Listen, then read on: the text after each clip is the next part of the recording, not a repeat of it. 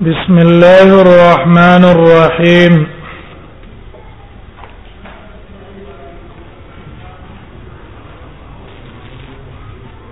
باب ما جاء في الاعتدال في السجود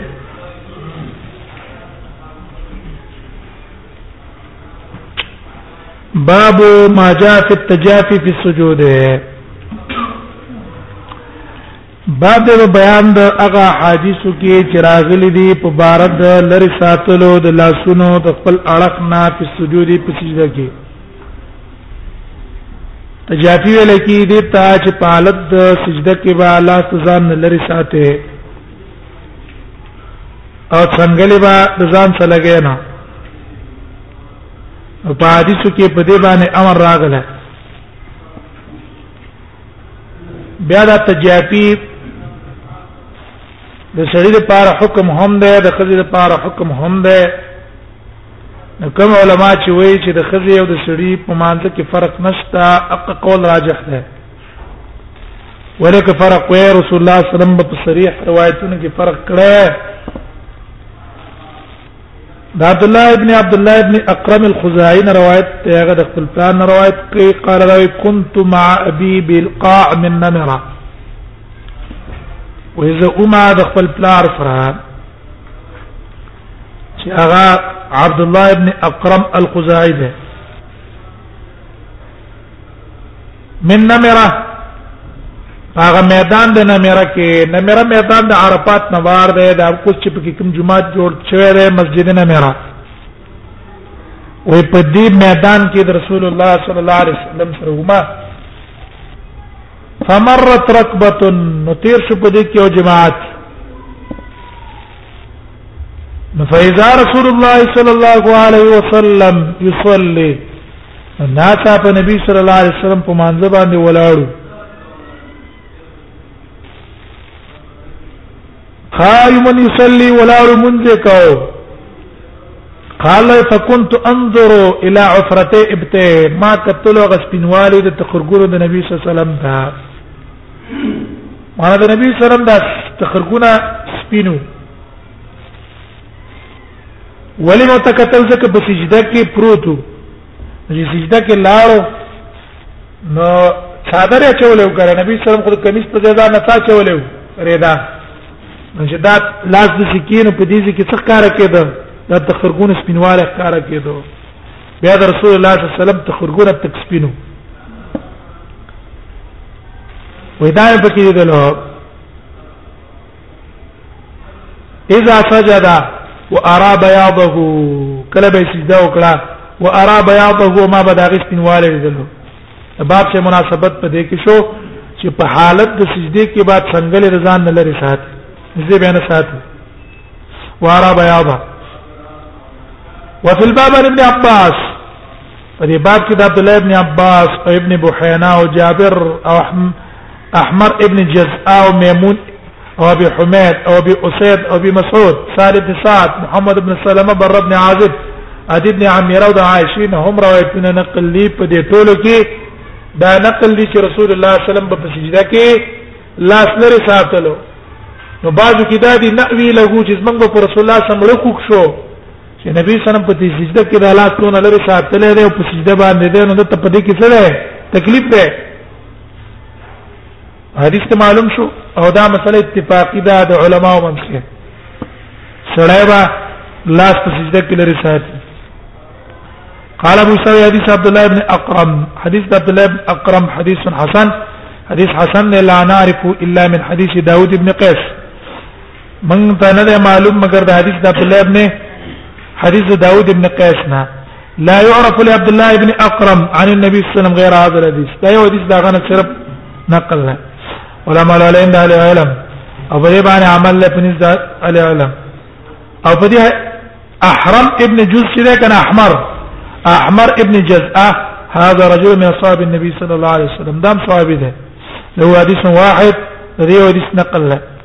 عبد الله بن ارقم الزهري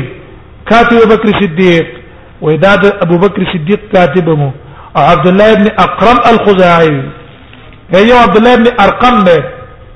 عبد الله ابن ارقم الزهري دی هغه صحابي نه ابو بکر صدیق څو منشي او کاتب او یو د عبد الله ابن اقرم الخزاعي انما يعرف له هذا الحديث وده لپاره دا حدیث مشهور ده دا حدیث دا نه صرف را نقل ده عن النبي صلى الله عليه وسلم باو ما جاء في الاعتدال في السجود ہے بعد بیان اعتدال په سجده کې په سجده کې بس کې اعتدال بکې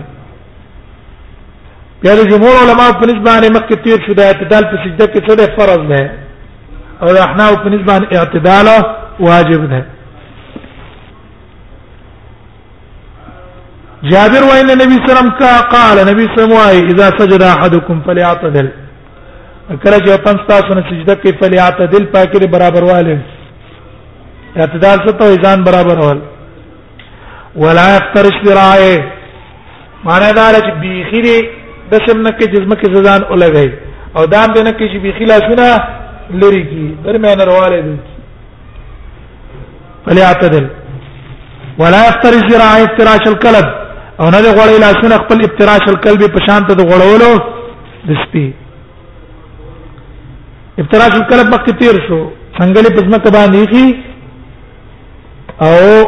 پروتي ما ده نه کوي وفي الباب عبد الرحمن بن شبل لم روایت ته ده بران هم ده انس او حمید ده عائشه ابو اسحاق حدیث جابر حدیث حسن صحیح ده حسن هم ده صحیح هم ده علماء علم ده العلم يختارون الاعتدال دی غره کې اعتدال په سجده کې ويكرهون الافتراش او بدګنی دی افتراش ک افتراش السبوع په شان ته ده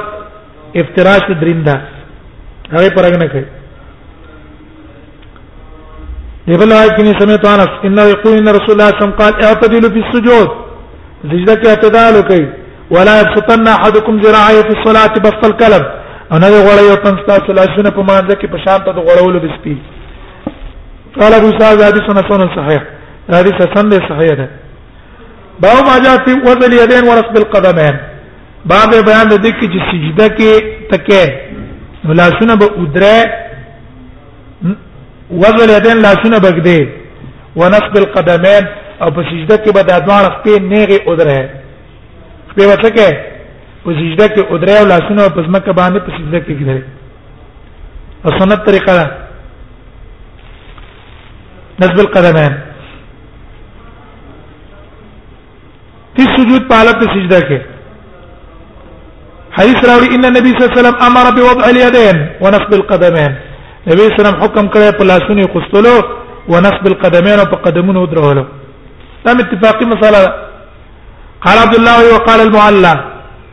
معلى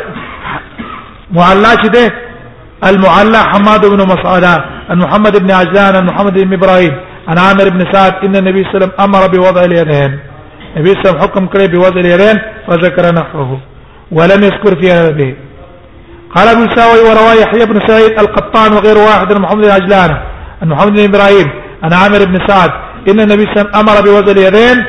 ونصب القدمين مرسل واكثر مرسل نقل کړي دي نور په کې منځ کې واسطه راوړل نه وې شوې په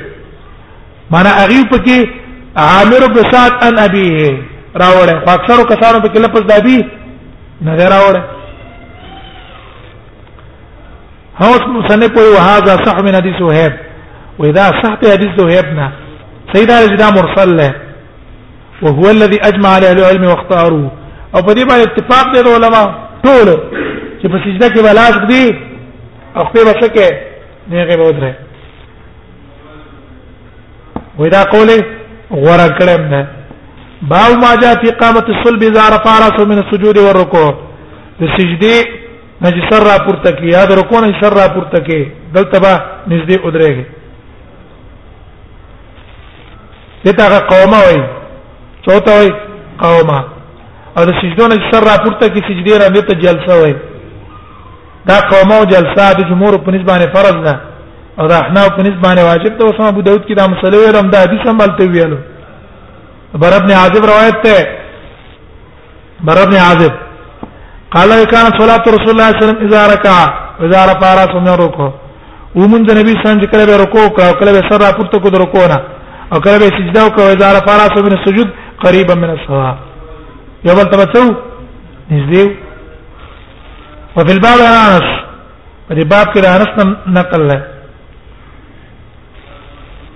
قال ابو سعيد حديث البراء دي سنه سنه صحيح باب ما جاء في كراهيه ان يبادر الامام في الركوع په کراهیت ته دی کې چې سره تعجب کې د امام نه پر رکوع کې امام رکوع ته لاتل نه له تر رکوع ته مخکې لاړ والسجود یا تعجب کې د امام نه په سجده کې امام لا سجده ته تل نه له تر امام نه مخکې سجده ته لاړ شي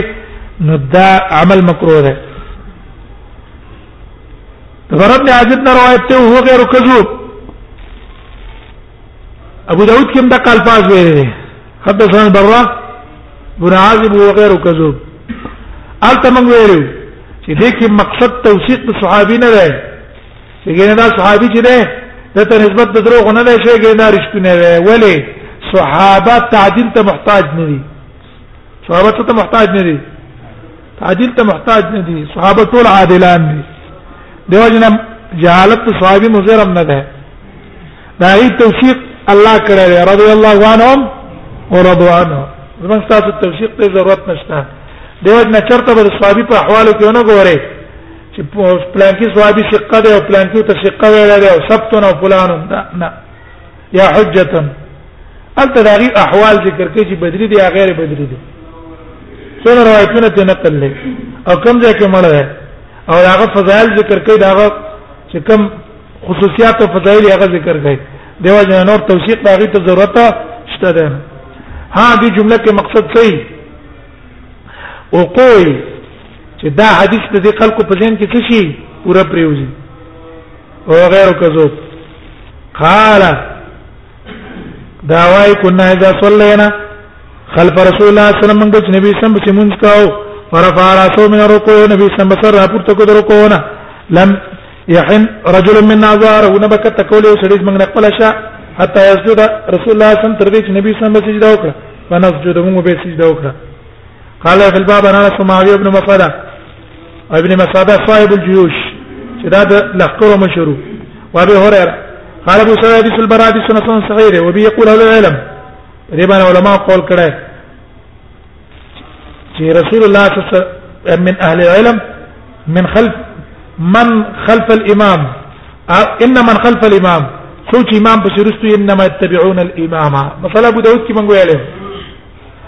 اي امام سره مساوي دي کرستو باندې امام باندې په وي سبا وسږي مساوي باندې او دا نور علماء نه اذا ركع فرکعوا رکوع چې وکړه ته د پاره اتصال درست به کې رست به کې واذا سجد فسجدوا چې هغه سجده لاړ ته په سجده لږه او دا حدیث په کې صحیح دلیل و اذا رفع راسه من الركوع نو دې ټول په دې اتفاق باندې کړه راي انما يتبعون الامام فيما اسنا دی و تابعداري کوي امام پاسه کې چې امام یې کوي ولا يركعون الا بعد ركوع او دی ورکو نه کوي مګر پس د رکوع د امام نه ولا يرفعون الا بعد رفع سربم نه را پورته کوي مګر پس را پورته کول سر دا غنه ولا نعلم بينهم في ذلك اختلافا دې په من کې موږ ته اختلاف هم معلوم نه ده باو ما جاء في كراهيه الاقعاء بين سجدتين د دوه سجده په منځ کې کراهیت مکروه ده اقامه مکروه ده تفسیر ابو داود کې ویل د دوه حدیثونه دي کې متعارض راغلي یو حدیث د عبد الله بن عباس ته ابو داود کې ویل چې سجده دا په مابین د دوه رکو په منځ کې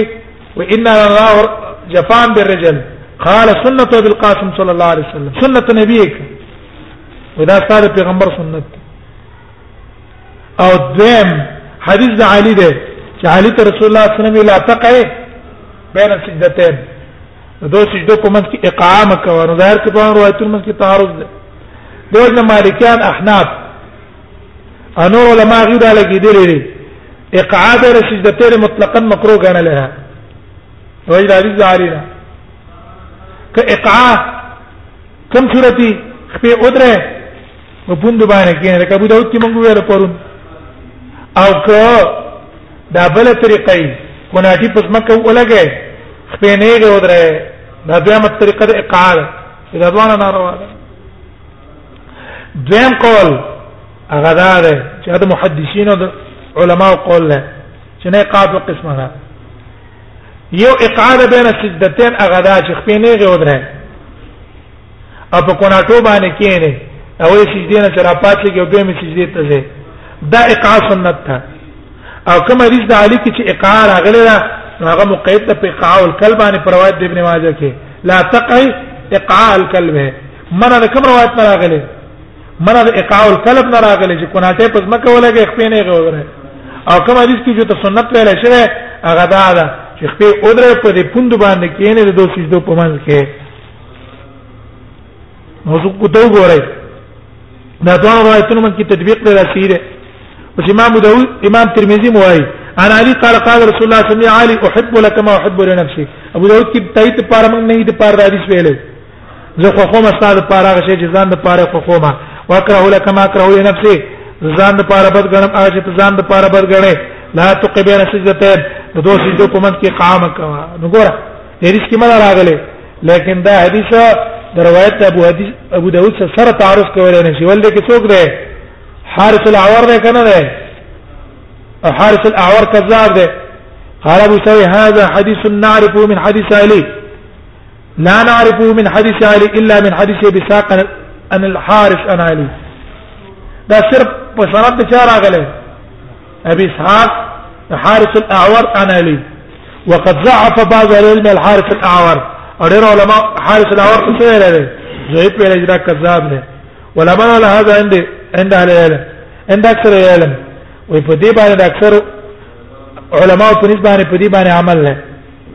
یکرهون الاقاع چې متقن اقرا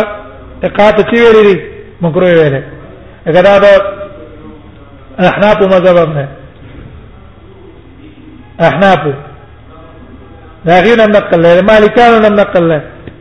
حنابلو هم نقل له وفي الباير عائشه وانس وابي هريره واذا غیر هم روایت نقل له انس وابي هريره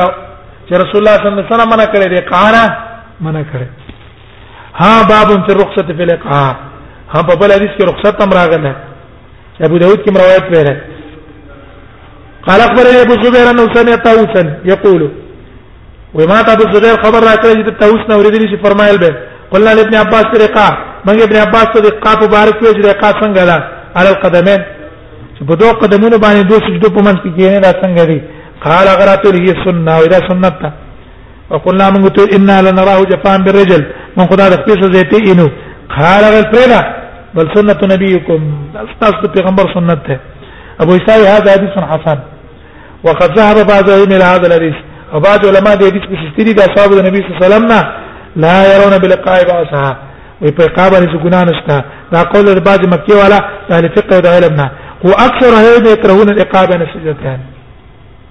امام ترمذی خو تطبیق نه کو کنه من څوک لولو من تطبیق کو چې کوم روایت کې منه د اقرار راغلی دا مقید ده بقع الكلام او کوم رخصت چې راغلی پر روایت ابن عباس کې هغه کوم قاعده هغه قال قلب نه ده هغه سره خپې او درول په پرې پوند کې ناشتل دي دا ما یقول بین سجدتین دو سجدو په منځ کې کومه دعا کوي وجود کې پرونه ده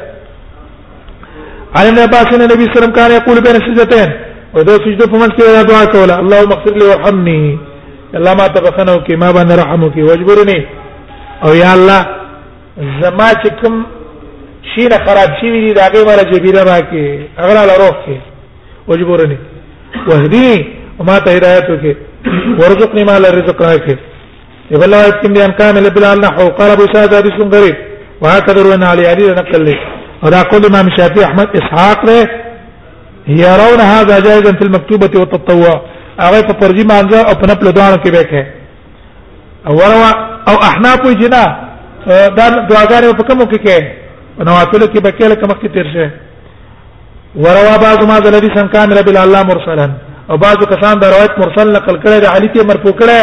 علی په کنه مت کې ذکر کړي تابعین علی قدر ډایرک نسبت کړي باو ما جاء فی الاعتماد فی السجود بعد بیان د اعتماد په سجده کې اعتماد فی السجود هغه دا ده چې درسله ولګي ته په مانځه کې څه کوي شاته تکیا لګولي انا ابي هريره قال اشتكى اصحاب النبي صلى الله عليه وسلم الى النبي صلى الله عليه وسلم وشکایت وکړو اصحاب د نبی صلی الله علیه وسلم نبی صلی الله علیه وسلم ته مشقت السجود علیه چې اې د الله نبی د سجده کې چې موږ لاس پورته کوو د قصې او د سجده کو دي کې موږ ته تکلیف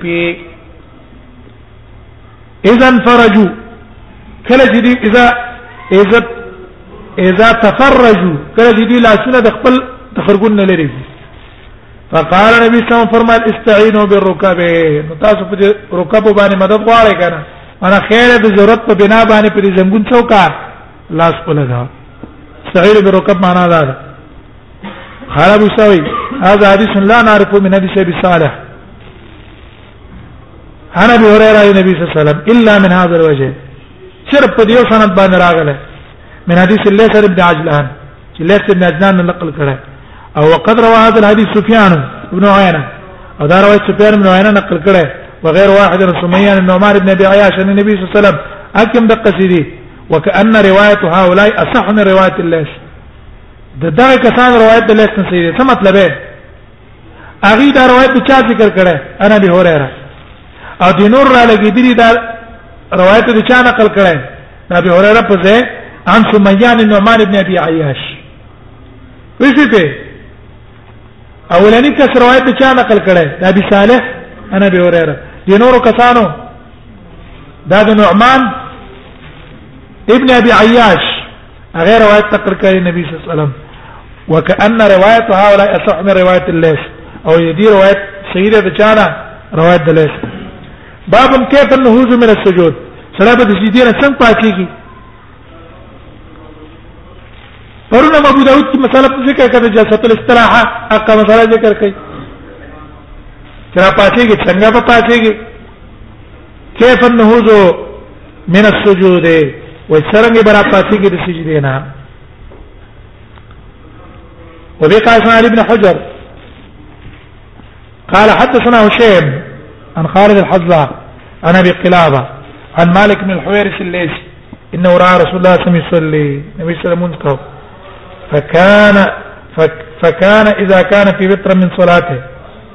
کله به چې مانزه په تا کیو کنه تا کې لم ينهض حتى يستوي جالسا نو پاتې دوه حتى يستوي جالسا تر دې چې برابر بشو په ناس تا په دې باندې جمهور علما قول کړه چې دا جلسه استراحت پکار ده او دا چې موږ ویل چې دا علما ته جلسه استراحت وایي څه ته وایي جلسه استراحت ته وایي وینه په پاتې ده کې بناست په دې حدیث باندې عمل کړه او دې مذهب احناف احناف علما وايي چې نه ډایرک په پاتې کې په منځ کې بکې نه نه او استدلال نه ولا هغه روایت چې کم احادیثو کې د صفت الصلات کې نقل شو او پای کې جلسه د استراحت چا نقل کړي نه نه مالک بن حویرث نه بغیر نور روایتونو پکې جسد استراحت نه دا نقل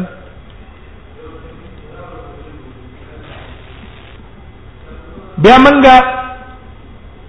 د ابن قیم رحم الله قول نقل کړ ابن قیم رحم الله وايي وسی احادیث نه معلومیږي چې جاء تا جلسه استراحت اصل اصل سنت نه ده که اصل سنت ته ټول واصفین د رسول الله صلی الله علیه وسلم چې مونږ نقل کړی دی هغه به ذکر کړی دی خو کله رسول الله صلی الله علیه وسلم کړه کړه دا او کله پریخه دا دا ابن قیم قول به موږ نقل کو دی وای ولا مل علیهم دا بعض علم او بي يقول اصحابنا باب منه ايضا اوس دا د احناف دلیل پیش کړي چې پاغي کړي چې ګور رسول الله صلی الله علیه وسلم با دار فاتې دو وبي قال سنه ابو ما قال سنه خالد بن اياس